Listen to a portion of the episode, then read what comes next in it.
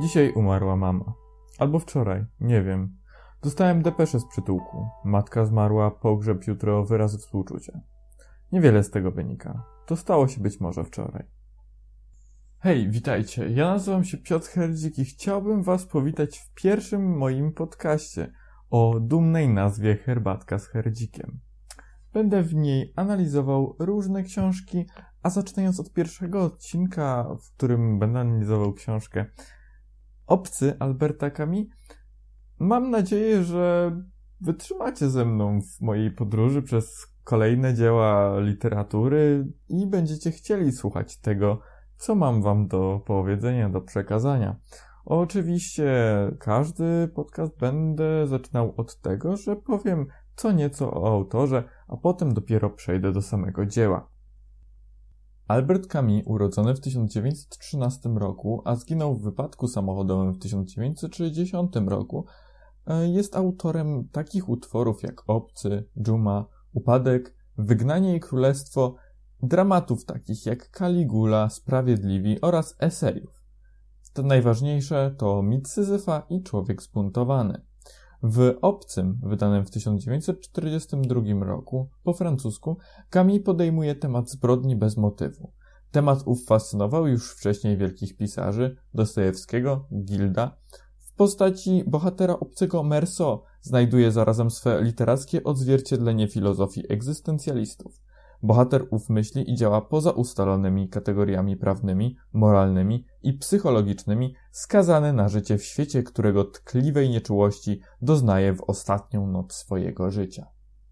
To, co słyszeliście, to był fragment z biogramu e, znajdującego się na ostatniej stronie e, mojej kopii um, Obcego, wydanej przez Państwowy Instytut Wydawniczy w 1985 roku. Zostało to przełożone przez panią Marię Zenowicz i wydaje mi się, że jest to dość adekwatne przełożenie, gdyż wcześniej czytałem tą książkę jedynie w języku angielskim i teraz przed samym podcastem miałem okazję doświadczyć tego, jak ona jest została przetłumaczona na polski. Nie czytało mi się jej źle. E, była bardzo przyjemnym dziełem literackim i przebrnęło mi się przez nią o wiele, wiele łatwiej niż przez dżumę jeszcze za czasów, kiedy uczęszczałem do liceum. I wydaje mi się, że Obcy byłby o wiele lepszym wyborem do kanonu lektur polskich, gdyż ma więcej do zaoferowania po prostu młodzieży. Ale wracając do samej książki, samego Alberta Camus i tego, co przeczytałem na samym początku e, tego podcastu, to było pierwszy akapit, dosłownie pierwszy akapit w książki i już, już potrafimy stwierdzić, e, jakiego rodzaju człowiekiem jest e, Merceau, bohater obcego. Merceau e, od razu nie pokazuje swoich uczuć i nie jest przywiązany do niczego w tym świecie. Potem jest fragmencik, w którym prosi szefa o dwa dni zwolnienia i mówi mu nawet, że to nie jego wina, że musi wziąć te dwa dni zwolnienia. Jest tak bardzo nieczuły na śmierć swojej matki oraz to, co go spotkało na tą tragedię, która dla innych w zasadzie byłaby um, nie do wyobrażenia, tak? Pożegnanie się z najbliższą osobą, z matką, którą Tutaj w tej książce Merceau oddał do domu starców w Marengo, które znajduje się 80 km od Algieru. Jak już dotarł do domu starców w Marengo, mm, będzie czuwał przy niej jedną noc, a następnie będzie brał czynny udział w pogrzebie. Dozorca zapytał się go wcześniej, czy rozpoznaje swoją matkę, czy to rzeczywiście jest jego matka. On mówi, że tak. Później pyta się go, ile miała lat, a on nie potrafi wskazać tej, tego, ile lat miała jego matka. Pokazujemy tutaj odklejenie od um, rodziny um, naszego głównego bohatera, który nie interesuje się takimi sprawami, bo nie interesuje go nic, bo wie, że nie, nie zrobiłoby to żadnej różnicy. Wszystko odbyło się następnie tak pośpiesznie, pewnie i po prostu, że nic prawie nie zapamiętałem.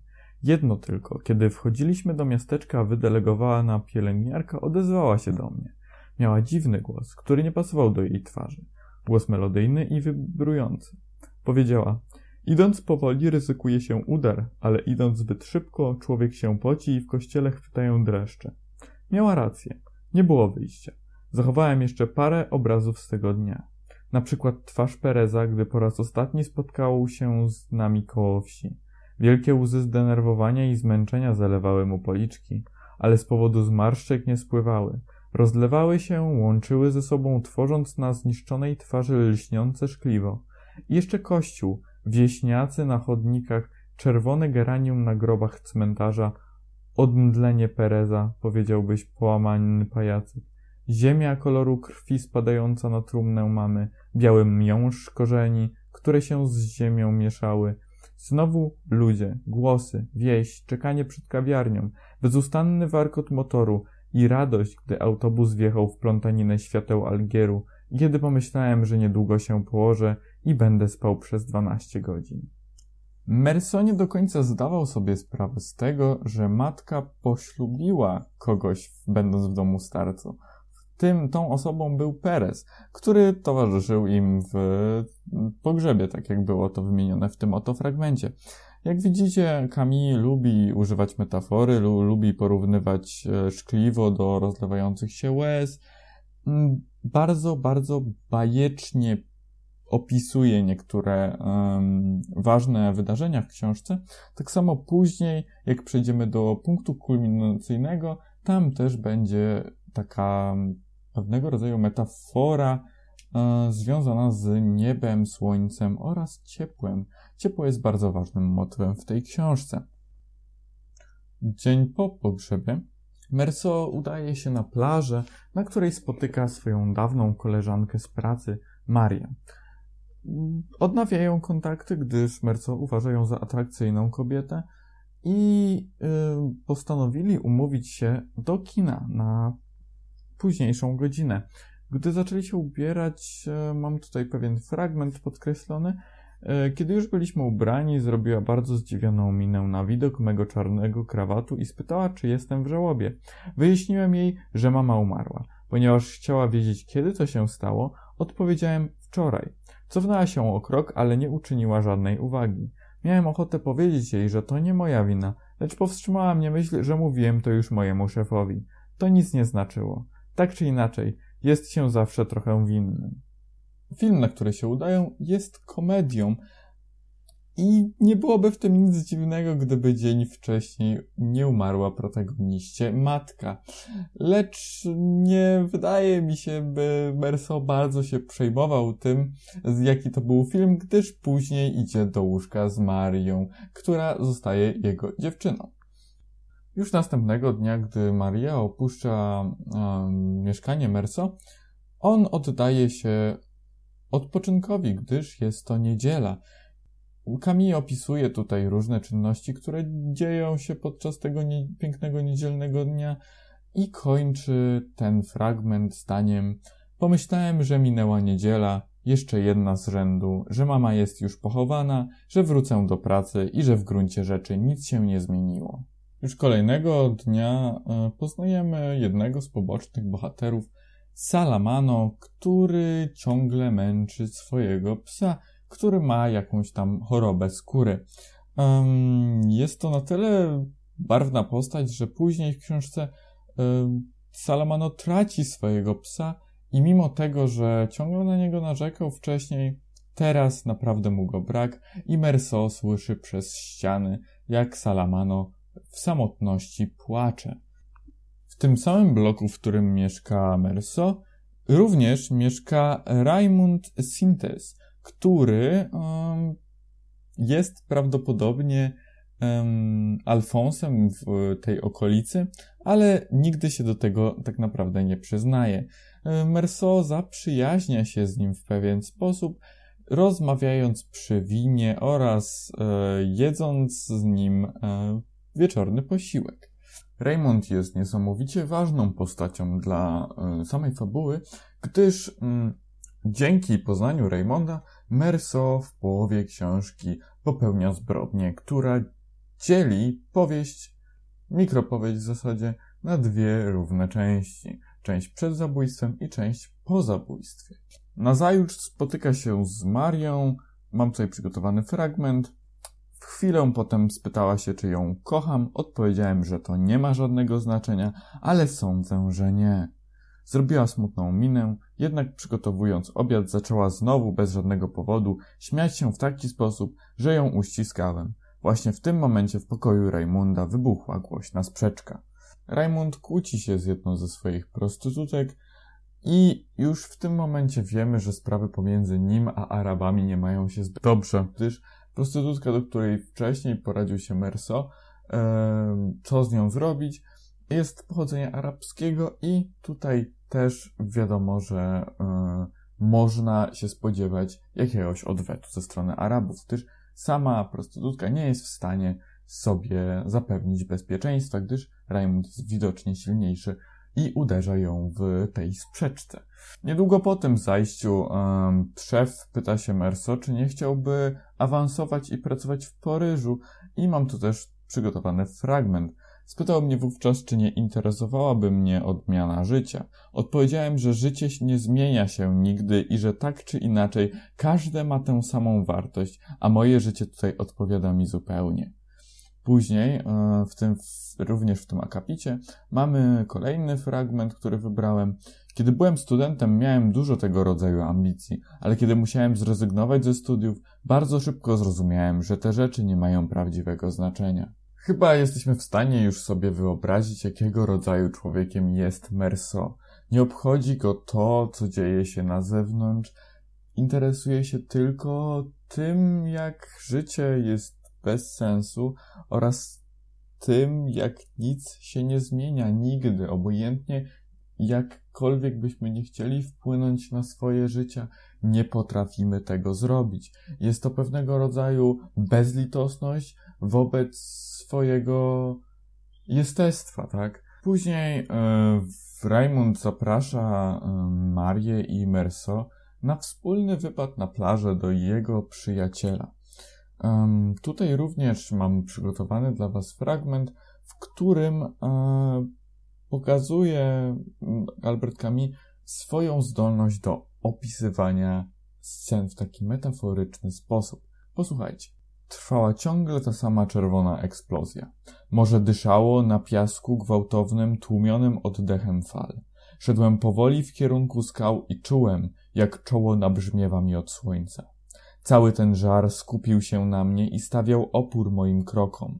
Za każdym razem, kiedy czułem na twarzy jego gorący powiew, zaciskałem zęby, zwierałem pięści w kieszeniach spodni, prężyłem się cały, żeby pokonać słońce i to mroczne, walące się na mnie oszołomienie. Za każdym cięciem światła, które tryskało z piasku, zbielałem muszli lub odłamków szkła, kurczyły mi się szczęki. Szedłem tak długo. Powoli zbliżamy się do fragmentu, w którym Merso zabija Araba, z którym Raymond ma problemy. Tutaj też przygotowałem w zasadzie trochę dłuższy fragment dla Was, bo y, Merso jest w posiadaniu rewolwera od Raymonda, który chciał zastrzelić wcześniej Araba, lecz Merso zabrał mu ten rewolwer dla siebie.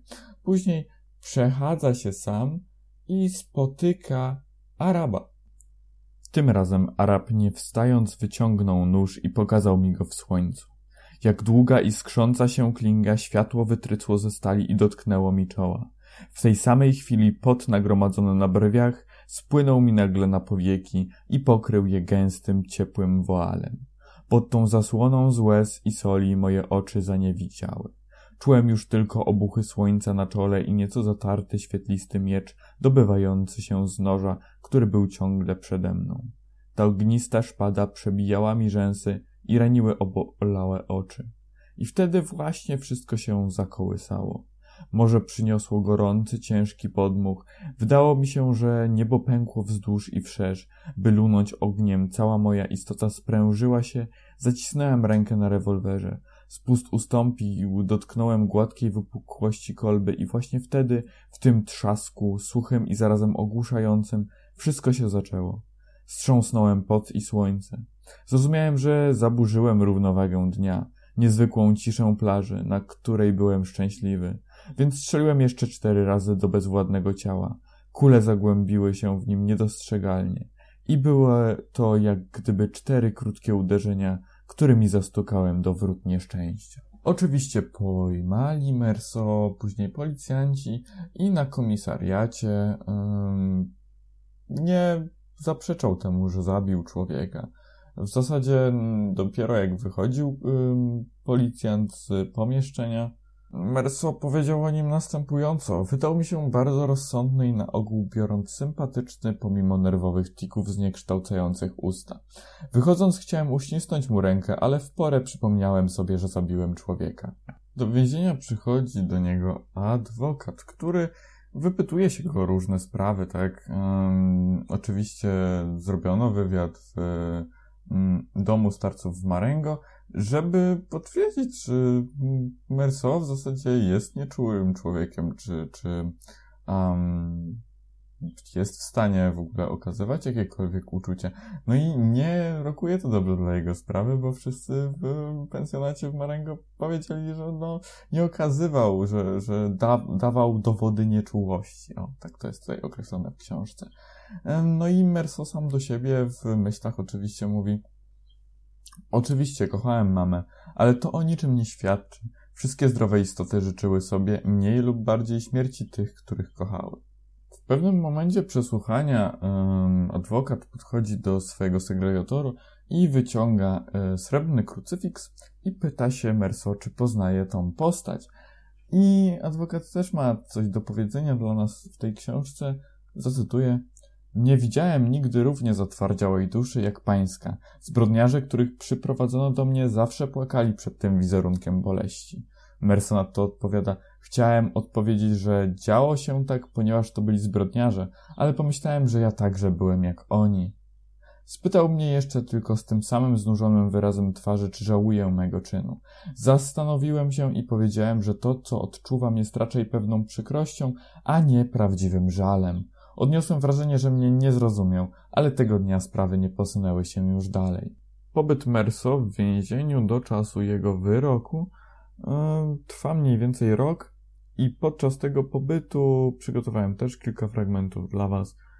Często myślałem wówczas, że gdyby zmuszono mnie do życia w pniu uschniętego drzewa, gdzie jedynym moim zajęciem byłoby oglądanie barwy nieba pod nad moją głową, z czasem przyzwyczaiłbym się i do tego – Czekałbym na przelot ptaków lub na zderzenie się chmur, tak jak tutaj czekałem na dziwaczne krawaty mego obrońcy lub jak dawniej w tamtym świecie cierpliwie wyczekiwałem soboty, by obejmować ciało Marii.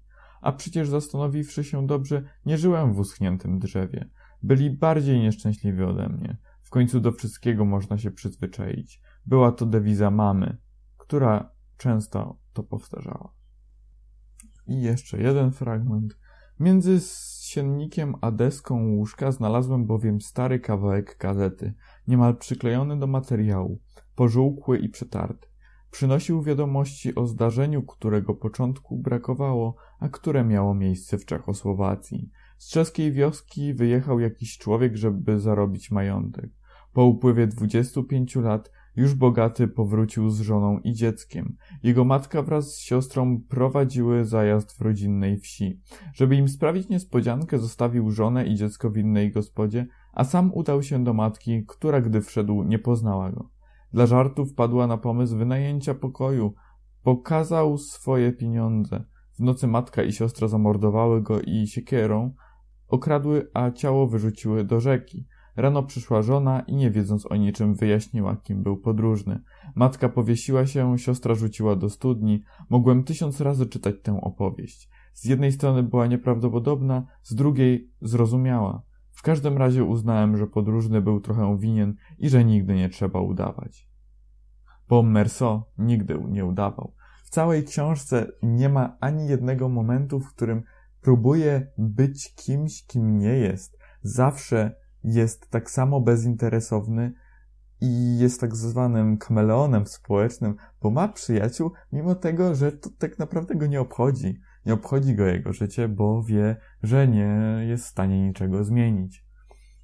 Proces oczywiście kończy się na osądzeniu winy Merso i zostaje on skazany na śmierć przez ścięcie głowy.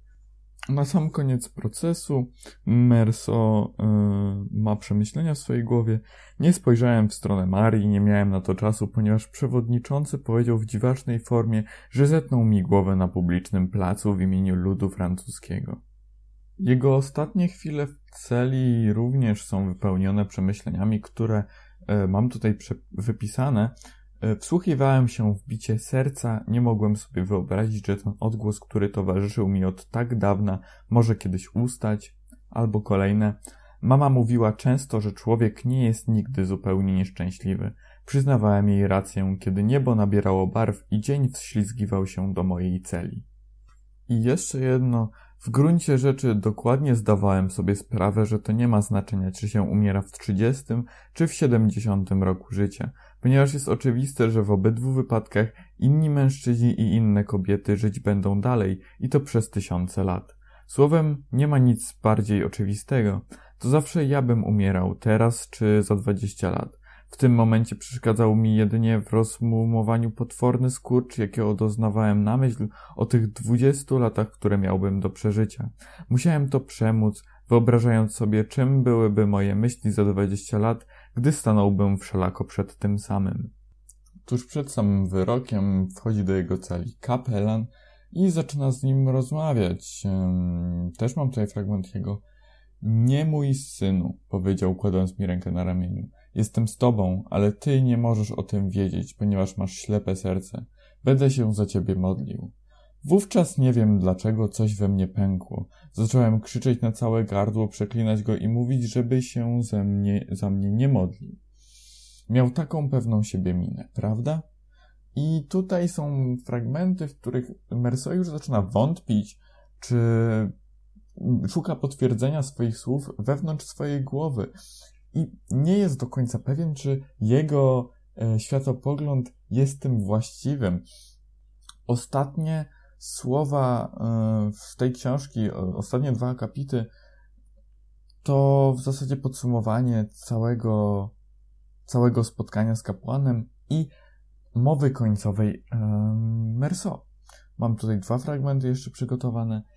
Czyż rozumie więc ten skazaniec, że z głębi mojej przyszłości Dławiłem się, krzycząc to wszystko, ale już wyrwali mi z rąk kapelana i strażnicy zaczęli mi wygrażać. On jednakże uspokoił ich i popatrzył na mnie chwilę w milczeniu. Miał oczy pełne łez. Odwrócił się i znikł.